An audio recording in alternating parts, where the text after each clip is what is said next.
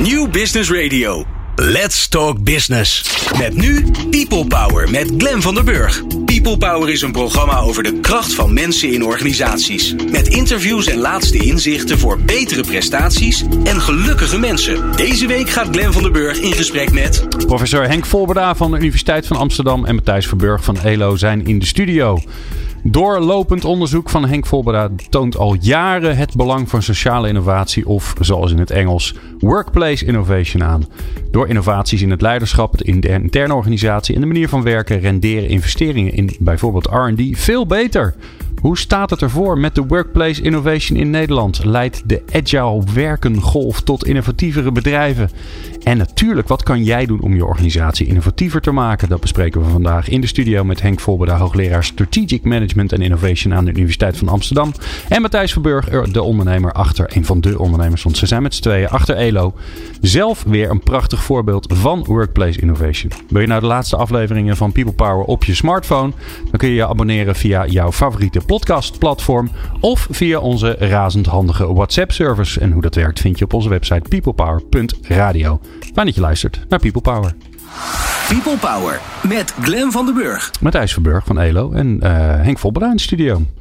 Wat leuk dat jullie er zijn. Uh, Henk, voor jou uh, sinds lange tijd weer eens een keer. Ja, leuk om hier weer even terug te zijn. Ja, ja. je bent ondertussen getransfereerd. Ja, klopt. Hè? Van Feyenoord naar Ajax. Gefeliciteerd. Dank je. Voorheen Erasmus, nu Universiteit van Amsterdam. Ja, ja.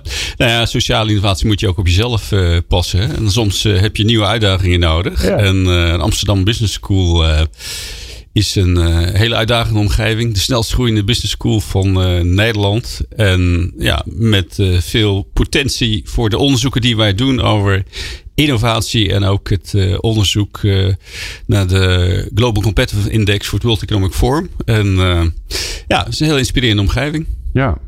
Nou, even voor de mensen die, die de vorige aflevering, ik denk dat die twee, tweeënhalf jaar geleden schat ik zo'n beetje in. En hebben we het echt uitgebreid over wat sociale innovatie ja. eigenlijk is. Hè? En ik merk altijd in, in, uh, in, in buitenlandse omgevingen, Engelstalige omgevingen, dan noemen we het workplace innovation. Dan snap ja, je ik, ik, noem het self-management innovation. Oh, kijk eens ja. aan. Ja, ja, nou ook goed. Hè? We bedoelen allemaal hetzelfde. Dat is wel het interessante. Even weer heel kort, waar hebben we het over? Wat is het? Nou, sociale innovatie uh, definieer ik als nieuwe manier van managen, organiseren en inrichten van de arbeid.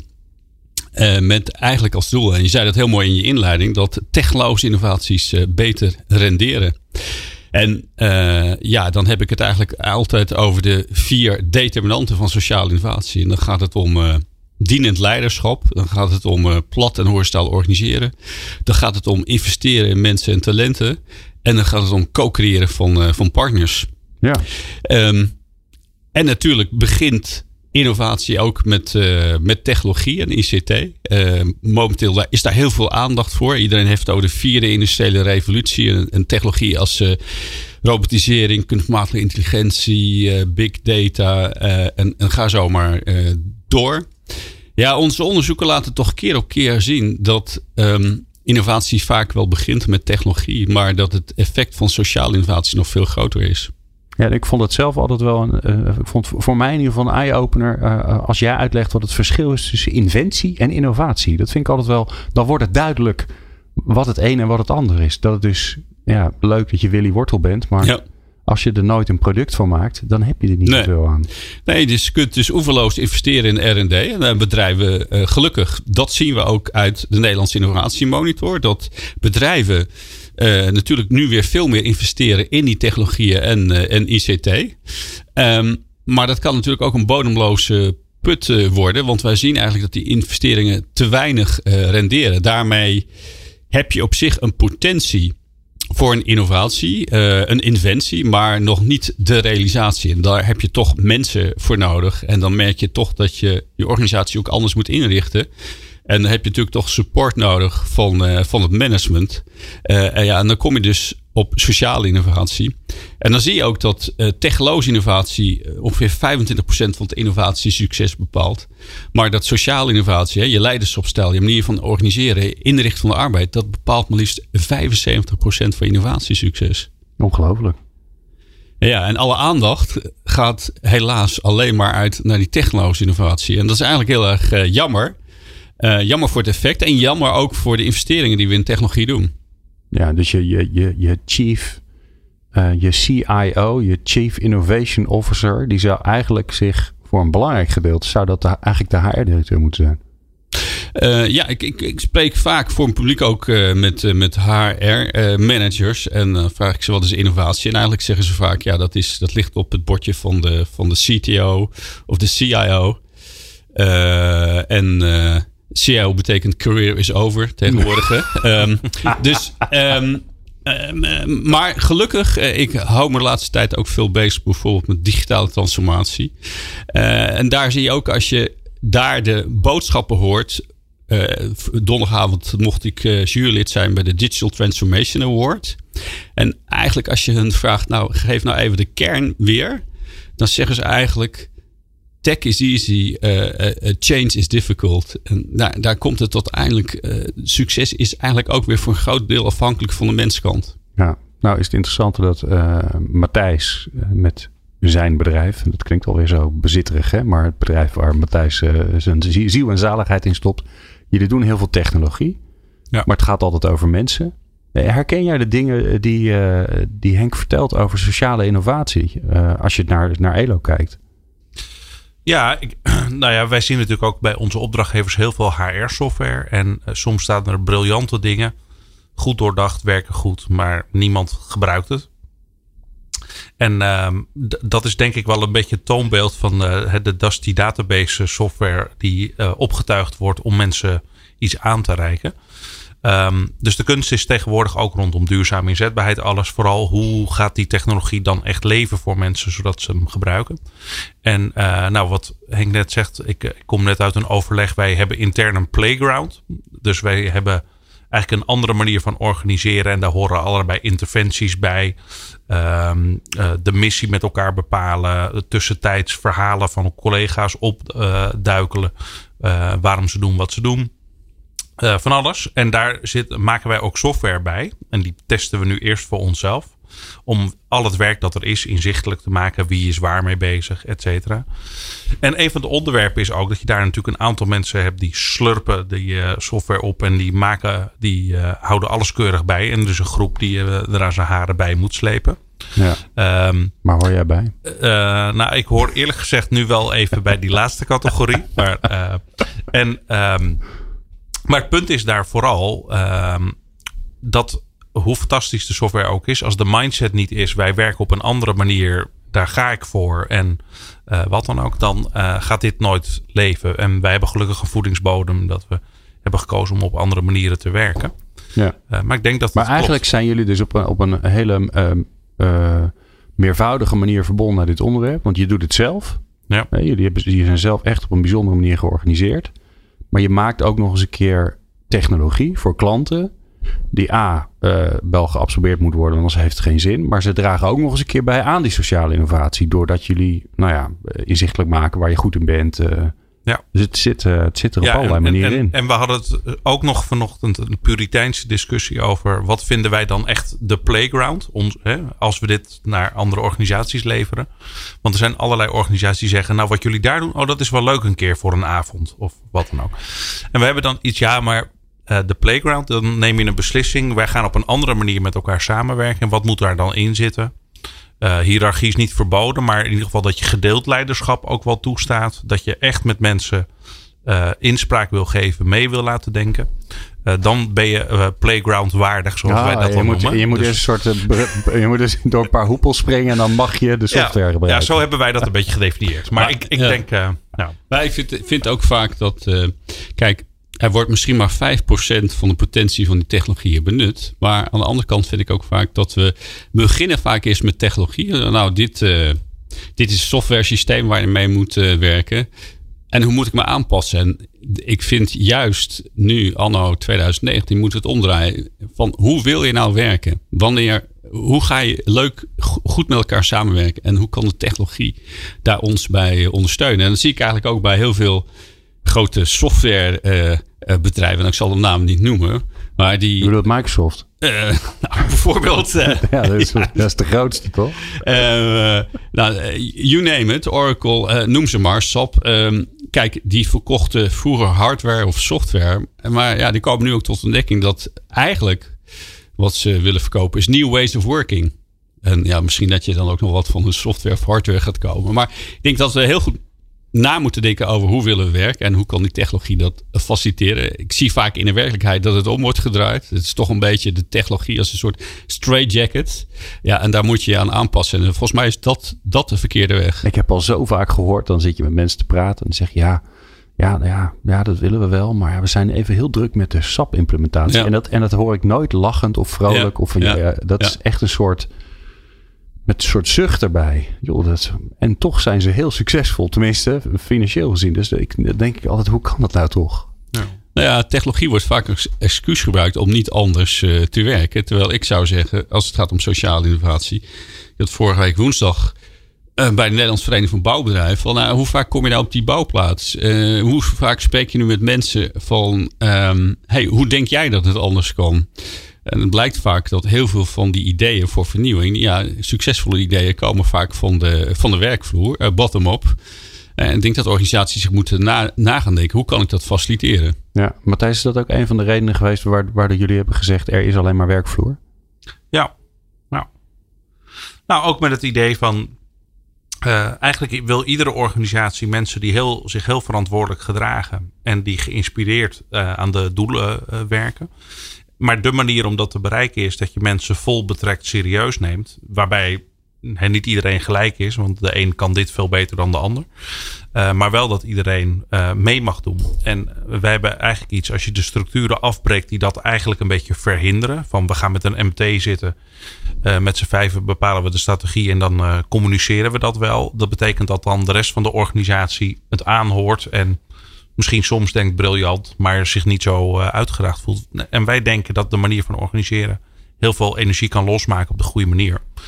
Maar dan moet je ook bereid zijn een aantal offers te brengen of een aantal dingen uit de weg te ruimen. En uh, nou, we gaan straks ongetwijfeld nog verder spreken over hoe ver staan we nou met Zeker. zelforganisatie, alles. Maar dan kom je ook een beetje op deze punten, denk ik. Wat ben je bereid om als blokkades op te heffen, zeg maar? Ja, daar wil ik het met jullie straks heel graag over hebben. Want er is best wel veel veranderd. Als ik een beetje naar de afgelopen tien jaar terugkijk. Dingen die in het begin nog super, in de, super bijzonder waren. Zoals zelforganisatie. Dat eh, ondertussen worden meer doodgegooid bij uh, zeker Ja, tweeënhalf jaar geleden was, uh, was dat niet zo, werkt in onze uitzending. Ja, daarom. Dus waar ik zo met jullie naar wil gaan kijken is... Uh, is dat nou ten goede gekeerd of moeten we ons nog steeds een beetje zorgen maken? Dat hoor je zo. People Power met Glen van den Burg. Ik ben Malja Beks, commercieel manager bij Dreams. Ik ben Mark Jansen, senior medewerker Learning and Development bij Paresto. Ik ben Petra Lange, HR-manager bij Avanade. Ik ben Lars Blauw, adviseur duurzame inzetbaarheid bij Centraal Beheer Open. Ik ben Aniek van ELO en ik luister natuurlijk altijd naar People Power. Want People Power is er voor jou en niet andersom. People Power op Nieuw Business Radio. Met in de studio Henk Volberda van Universiteit van Amsterdam en Matthijs Verburg van ELO. Ja, wij zijn er voor jou en uh, niet andersom. Zo is het zeker. Uh, we praten over sociale innovatie. Um, ja, Henkel, mijn gevoel is, en maar dat is natuurlijk erg gekleurd vanuit mezelf, dat het dat de goede kant op gaat. Want we hebben het ineens allemaal over agile en we zijn aan het nadenken over hoe we eigenlijk moeten werken bij elkaar. En dan slaan we in door. Hè. Dus we hebben de hele nieuwe werkenrevolutie gehad en iedereen snapt nu dat ja, al die uh, maar domweg met z'n allen in een hok gaan zitten op een loungebank, dat het ook nog niet heel erg goed werkt. Kortom, volgens mij uh, is er veel meer aandacht voor nieuwe manieren van werken dan voorheen. Maar dat is mijn aanname. Jij kan dat staven. Ja, nee, uh, ik kan dat bevestigen. Blijkt ook uit de Nederlandse Innovatie Monitor. Dat, dat bedrijven weer meer aandacht hebben ook voor de zachte kant van innovatie. als je ook managers vraagt van uh, waar zouden we nou het meeste in investeren, dan, uh, dan is het precies die verhouding die ik net noemde van 25% technologie, maar 75% in die wat uh, zachte aspecten van innovatie, zoals leiderschap, organisatie, vaardigheden van medewerkers. Um, dus dat, dat is op zich een, een goede ontwikkeling. Heeft misschien ook te maken met economische conjunctuur. Zie je vaker. Als het economisch wat beter gaat, krijgen dit soort aspecten ook weer meer aandacht. Um, ja, of het, uh, of het lek boven hebben is natuurlijk een heel andere vraag. Ik denk dat ook de noodzaak om dit te doen is hoger. Omdat we te maken hebben ten eerste met nieuw gen, een nieuwe generatie. Die om die aan je te binden als organisatie, dan, ja, dan kun je niet meer volstaan met een een, een, een traditionele leiderschapsstijl, een hiërarchische organisatie. Dus je ziet dat zeg maar, uh, twee derde van de bedrijven zegt we kunnen niet meer aan onze mensen komen. En de mensen die we hebben, hebben niet de juiste vaardigheden. Uh, we moeten het anders gaan organiseren. Dus uh, dat is zeker waar. Aan de andere kant uh, zie ik ook wel een beetje een, een beetje hype of ik noem dat zelf kuddegedrag. Dus als één organisatie begint met Scrum en Agile en squads en tribes en chapters, dan zie je dat een, uh, een andere organisatie dat, uh, dat gaat kopiëren. En dat zie je bijvoorbeeld heel sterk in, uh, in, in, de, in de bankensector. De ING is daarmee begonnen, heel erg geïnspireerd door het Spotify-model. En je ziet dat ABN AMRO en Rabobank nu volgen. Ik denk dat het heel belangrijk is steeds af te vragen: wat wil je nu zelf als organisatie? En uh, bijvoorbeeld Agile is toch een bepaalde gestandardiseerde methodologie die voortkomt uit, um, uit software technieken van de jaren uh, 90. Dat kan, uh, heel, dat kan je heel goed helpen. Maar kan soms ook, als je dat gewoon simpel kopieert, kan het ook een blok aan je been worden. En, en zit het grote gevaar daar dan in? Dat, dat we op zoek zijn naar de heilige graal dan bij de buurman gaan kijken of bij de concurrent kijken van oh die doet dit, dan gaan we dat ook doen. Ja, nou dat is het vaak hè. Um, uh, gedrag, het is nu niet meer, kijk, uh, tweeënhalf jaar geleden was het misschien gek als je zei we hebben zelforganisatie. Uh, dan moest je je legitimeren.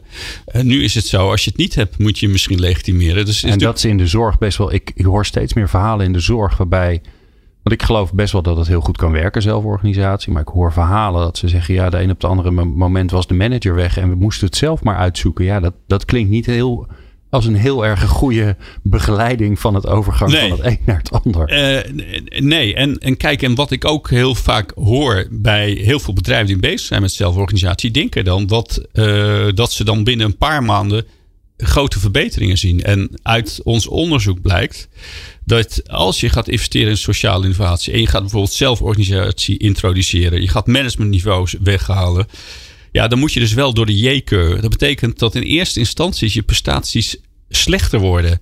Dat mensen gaan klagen gaan zeggen: er zijn geen duidelijke functie- en taakomschrijving. Ik weet niet wat er van mij verwacht wordt. Um, ja, en daar moet je dus wel uh, op voorbereid zijn. Ik zie dat heel veel managers daar niet op voorbereid zijn. Dus ik zie ook heel veel projecten van zelforganisatie eigenlijk naar een half jaar dan weer stranden. En dat men zegt van nee, we halen de stekker uit. we gaan er niet mee door. Ja. En uh, ja, dat vind ik eigenlijk wel heel erg jammer. Dus eh, in zijn totaliteit ben ik heel erg blij dat sociale innovatie weer op de agenda staat. Bij bedrijven, uh, ook bijvoorbeeld bij uh, het ministerie van Economische Zaken. Dat is heel goed. Uh, maar ik denk dat we inderdaad niet de heilige graal moeten proberen te ontwikkelen en te kopiëren. En het allerbelangrijkste uh, is natuurlijk dat het begint ook met dienend leiderschap. En als dat er niet is, uh, ja, dan kun je heel veel gaan experimenteren. Maar uiteindelijk raken mensen dan nog meer gefrustreerd, omdat ze eigenlijk die zogenaamde ruimte om zelf initiatief te nemen uiteindelijk niet krijgen. Oké, maar daar begint het dus. Daar begint het mee. Een soort, soort hygiënefactor bijna.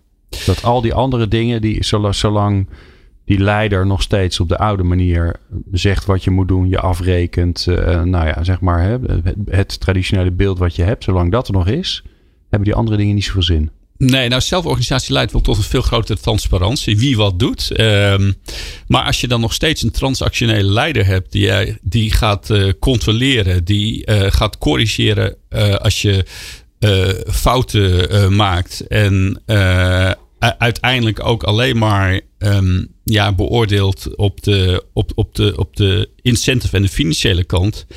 Ja, dan krijg je uiteindelijk geen leergedrag. Dan krijg je ook geen zelforganisatie.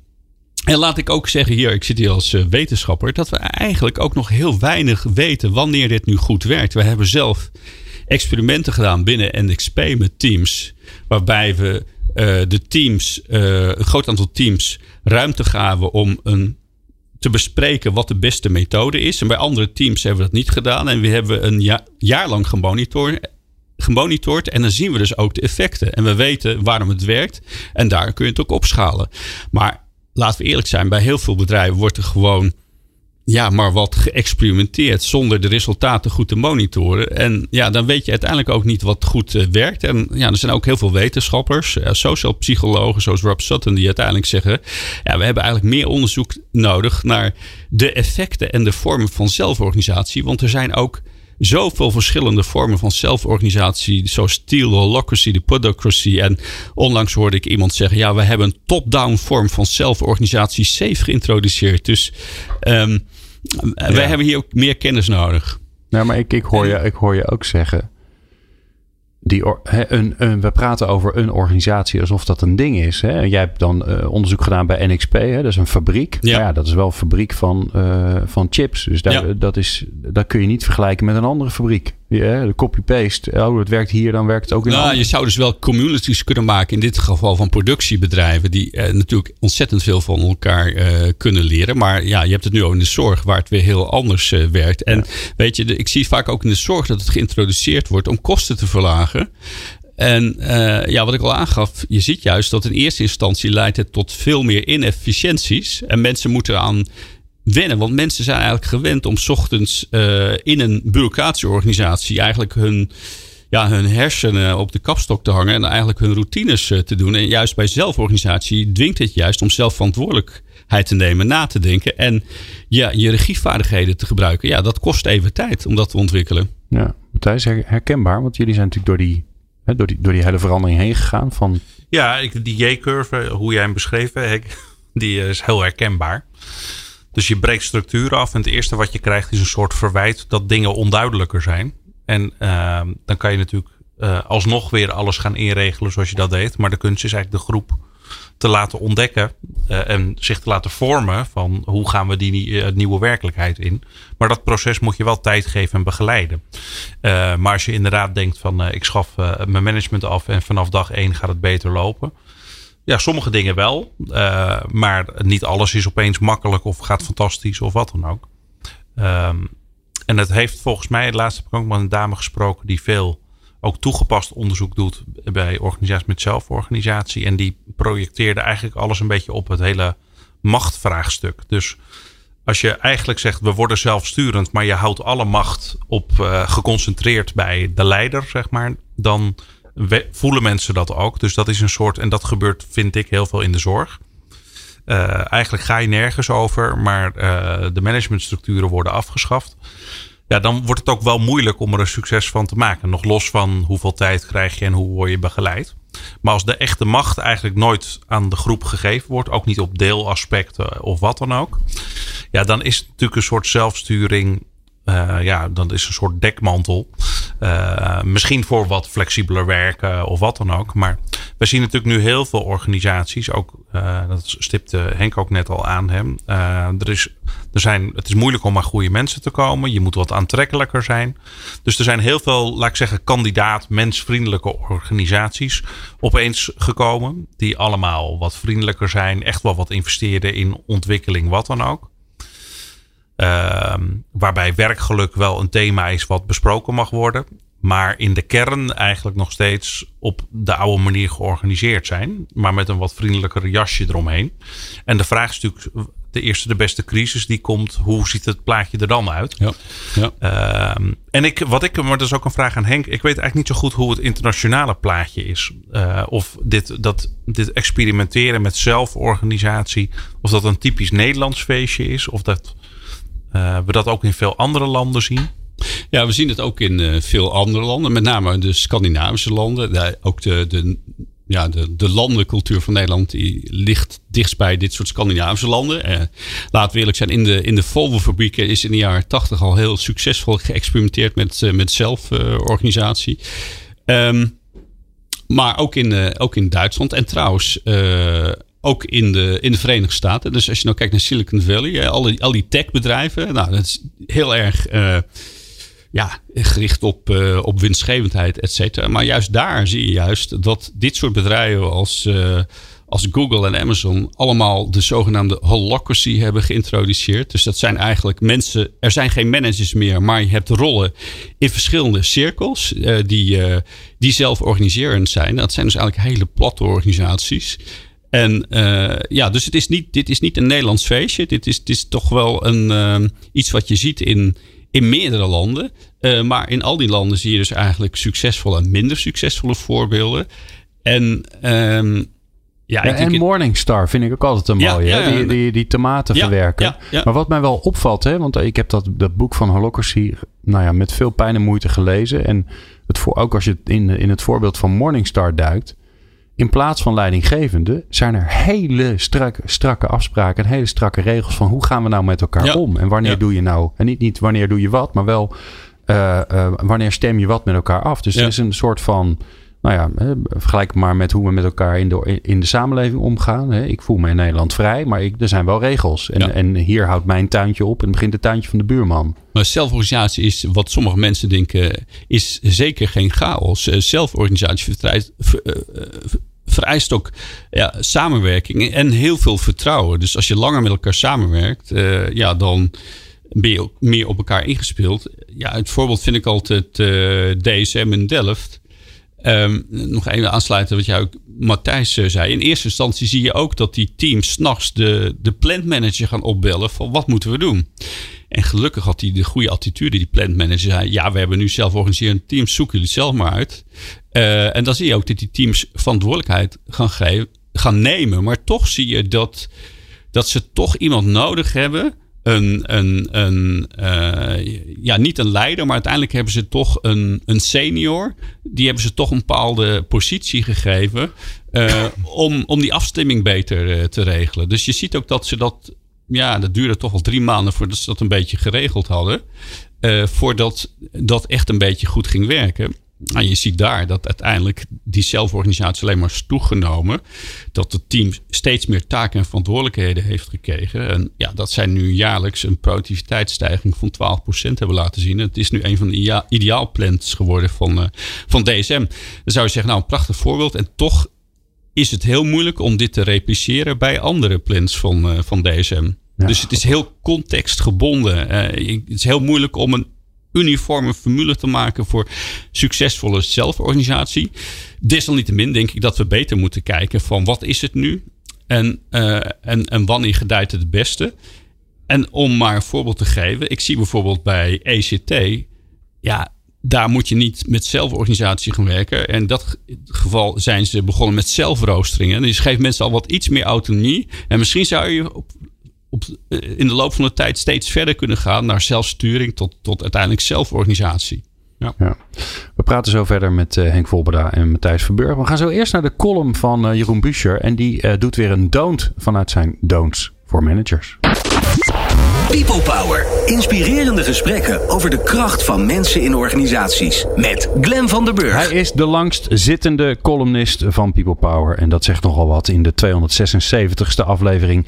Hij is tevens mijn uh, mede-host van People Power. Hij schrijft ongelooflijk veel boeken en hij helpt organisaties met gedragsverandering in de organisatie. En hij heeft een nieuw boek uit, wat tevens zijn kortste en kleinste boek ooit is. En dat is Don'ts for Managers. En ik heb hem aan de lijn. Jeroen Buscher maar wel zijn grootste boek. Ja, ja, ja. En binnenkort ook verkrijgbaar in Turkije. Ja, ja, ja, ja. en een stuk goedkoper dan in Nederland nog. Ook, je echt waar, joh? Ja, 2 euro in Turks. Dus als u het Turks leest, koop hem in Turks in Turkije. Maar ja, want in het Nederlands is die uh, 7,95 hè? Ja, jeetje. Ja, onze lonen zijn wat hoger, hè? Ja, dat snap ik. Ja. Jeroen, je gaat weer een don't doen uit je boekje, omdat het uh, veel te leuk is om niet te doen. Ja, en uh, de, de, door, de, door die mediacampagne bij People Power Change schieten de verkoopcijfers door het dak. Dus ja, snap dan ik. houden we het vol. Helemaal goed. Nou, dames en heren, don'ts voor managers. En het volgende hoofdstuk, wat ik deze keer met u ga behandelen, is het hoofdstuk Spreek niet aan op gedrag. Een van de zeven classics van de heidag, noem ik het zelf altijd. Ze gaat twee dagen op de hei zitten. We gaan met elkaar praten over leiding geven. En we maken nieuwe voornemens. En daar verschijnen ze op de flip over. Kent u ze nog? Afspraak is afspraak. We gaan de klant centraal zetten. We gaan vaker complimenten geven. En daar komt hij hoor. We gaan mensen aanspreken op gedrag. Nou, gelukkig de lezers van mijn boekje kunnen daar meteen een streep door zetten. Want ik raad het af. Waarom? Hedendaagse professionals die produceren die ken eenmalig is, want ze werken in projecten, ze werken uh, maatwerk voor klanten, want het repetitieve werk doet de computer. En daarom geldt natuurlijk dat, omdat je elke keer iets nieuws moet maken en verzinnen, dat kennis van anderen, samenwerken met anderen, de blik van anderen, een enorme aanvulling en verrijking van je eigen prestaties. Teamwork is inherent onderdeel van de kwaliteit die wij leveren. Dus als manager hebben we er baat bij dat onze teams zo sterk mogelijk zijn, zo krachtig mogelijk zijn. Dat ze zoveel mogelijk van elkaar leren, dat ze zoveel mogelijk samenwerken, dat ze tegen de buurman zeggen. Joh, hoe zou jij dat oplossen? Denk eens even mee. Dat we naar Marianne lopen, omdat we weten dat Marianne ervaring heeft met. En dat we zeggen: Marianne, we hebben nu dit aan de hand. Jij zit in mijn team. Kom eens even helpen, want jij weet hoe we dat moeten doen. Kortom, hoe krachtiger het team, hoe beter de prestaties doorgaan. Dat is nummer één. En natuurlijk willen we dat de individuelen goed presteren. En dan kan het gebeuren dat een van die teamleden dat hij gedrag, vertoont waar de anderen last van hebben. Maar laten we wel zijn, als iemand aangesproken moet worden op gedrag, is dat omdat diegene iets doet wat de anderen in de weg zit. Waardoor de klant niet goed kwaliteit krijgt, maar ook de collega's daar last van hebben. En dan, wat, wat hebben we dan voor oplossingen? We gaan degene aanspreken op gedrag als manager. En dat moet je niet doen. Want de basis van elk team, waarom worden wij een gezamenlijk team, is allereerst altijd eerst vertrouwen. Als we elkaar niet vertrouwen, gaan we ook niet samenwerken. Als ik jou niet vertrouw, ga ik geen kennis met je delen. Als ik jou niet vertrouw, ben ik helemaal niet bereid om je te helpen. Want wie weet gebruik je tegen me. Dus vertrouwen is de basis. En als we vertrouwen hebben, kunnen we gaan zeggen, we vertrouwen elkaar. Wat is ons gemeenschappelijk doel? En dan komt de reden om elkaar te helpen steeds dichterbij. Maar vertrouwen is de basis. Als ik nou uw manager ben en ik spreek u aan op gedrag. Ik zeg, uh, mevrouw, meneer, uh, dit kan zo niet langer. Ik hoor allemaal geluiden, want jij komt steeds te laat met je informatie en daar heeft iedereen last van. En ik spreek jou bij deze aan op het gedrag, dat kan zo niet langer. Vraag u dan eens af, hoe weet ik dit als manager? Hoe kom ik aan deze informatie? Hoezo weet ik dat u te laat aanlevert of anderen schoffeert of wat dan ook? Heb ik dat allemaal uit eigen observatie of zou dat soms kunnen zijn dat mijn collega's, mijn gewaardeerde teamleden daar last van hebben? Als ze dat niet hebben, hoef je ze trouwens niet aan te spreken, want wie heeft er dan wel last van? Maar goed, die informatie komt bij mij als manager door jouw collega's. En wat betekent dat nou voor het vertrouwen in het team? Leuke collega's die niks tegen jou zeggen, maar naar de baas lopen en die komt vervolgens de sociale hete kooltjes uit het vuur halen. Laat u niet gek maken. Een goed team is een zelfcorrigerend team. Managers hoeven hun individuele mensen niet aan te spreken op gedrag, maar moeten ervoor zorgen dat er een cultuur ontstaat dat ze elkaar gaan aanspreken, helpen, stimuleren, bekritiseren, scherp houden.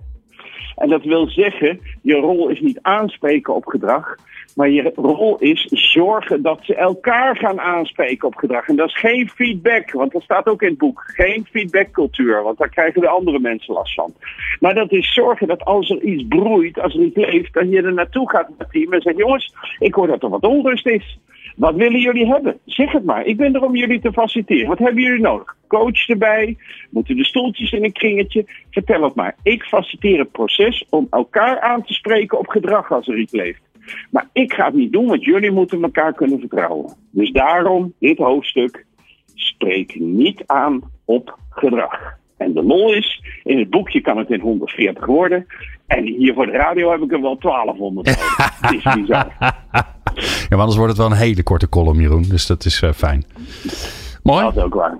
Dankjewel. Ik vond hem weer prachtig. Uh, volgende maand, denk ik, gaan we dat nog redden? Voor, voor de kerst? Ja, ik denk het wel. denk het wel, hè? Volgende maand doen we gewoon gezellig nog een hoofdstuk. Dankjewel, Jeroen. En uh, by the way, mocht u nou uh, denken, goh, ik, uh, dat is leuk, ik wil best naar Jeroen luisteren, maar ik wil eigenlijk al die 144 waren het geloof ik, hè? Um, don'ts for managers hebben, dan kan je dat boekje Nee, nee, nee, 44. Nee, 44. Niet, 144. Ik wou net, nee, dat zo, deel 2. 44 keer 140 woorden, hè? zo was het volgens mij. Ja, het zo. Ik wist dat er iets met, iets met 140 was. daar kan je dat gewoon kopen. Dan zoek je even op Don'ts for Managers En dan vind je een mooi klein boekje. Past gewoon in je binnenzak. Dus kan je onderweg, uh, als je ergens bent, denken: Goh, hoe zat het ook weer? Kun je het gewoon even opzoeken. Dankjewel, Jeroen. Top. Fijne uitzending. People Power met Glen van der Burg. Meer luisteren? people-power.nl uh, Henk Volberda, uh, hoogleraar bij uh, de Universiteit van Amsterdam, zit in de studio samen met Matthijs Verburg van ELO. We praten over sociale innovatie. Um, nou, de, conclusie is dus na het vorige blokje, ja, het gaat eigenlijk wel de goede kant op. Of dat heel erg conjunctuur gedreven is, dat weten we natuurlijk niet precies. Het is wel toevallig dat het in de conjunctuur is. Nog is er veel te winnen, volgens mij, Henk? Ja, zeker. Ja, dus... uh, al, alle onze onderzoeken laten zien dat die bedrijven die investeren in sociale innovatie, dat die meer winstgevend zijn, dat die productiever zijn. Maar veel belangrijker is dat mensen daar meer plezier in hun, uh, hun werk hebben. Dus uh, ook hoge arbeidssatisfactie. En het is eigenlijk heel jammer dat toch heel veel bedrijven het, het nog niet doen. En wat we vaak wel eens vergeten is dat dat leidt tot, tot heel veel, niet alleen tot, tot, tot minder presteren voor bedrijven, maar ook mensen die gewoon eigenlijk ziek worden. Dat is eigenlijk heel erg jammer. Ja, want het is niet alleen het niet krijgen van de voordelen, het is ook het wel krijgen van de nadelen. Ja, mensen die afgestomd uh, raken. Mensen die ook, uh, je ziet dat door veel organisaties, uh, ja, dat leidt vaak tot, tot ook heel veel fysieke gezondheidsproblemen. ja, dat, dat, daar weten we eigenlijk nog heel weinig van af. Maar het werk is wel waar we onze meeste tijd doorbrengen. Ja, en als dat niet leuk is, dan merk je dat in alles. Ja. Matthijs, als jij nou even terugkijkt naar, uh, uh, naar, naar waar jullie begonnen eigenlijk met, uh, ja, met de andere manier van organiseren bij jullie. Ik, ik, noem het niet eens zelforganisatie meer, want het gaat veel verder dan dat ondertussen. Eh, wat heeft het jullie gebracht? Um, nou, volgens mij veel meer werkplezier bij de meeste mensen. Um, veel meer regelmogelijkheden. Niet alleen van work-life balance en uh, dat soort dingen. Maar ook in het werk dat je doet. Uh, hoe maak ik mijn takenpakket zo goed passend voor mezelf mogelijk. Uh, als werkgever hebben wij gewoon gezien dat veel meer mensen uh, eindverantwoordelijkheid nemen. Maar in combinatie met de mogelijkheden om met elkaar ook dingen te regelen. krijg je eigenlijk een heel volwassen bedrijf zou je kunnen zeggen. En um, ik denk dat dat aspect vaak nog wel eens onderbelicht wordt. Van dat die vrijheid, het gaat niet alleen maar om vrijheid bieden, maar het gaat ook dat mensen gezamenlijk verantwoordelijkheid nemen. Uh, dat heeft het ons opgeleverd. Uh, met minder kosten uh, meer bereiken uiteindelijk. maar dat, dan moet je wel even een, een curve door. En je weet natuurlijk nooit precies hoe we zou het zijn gegaan als we het op de oude voet waren blijven doen.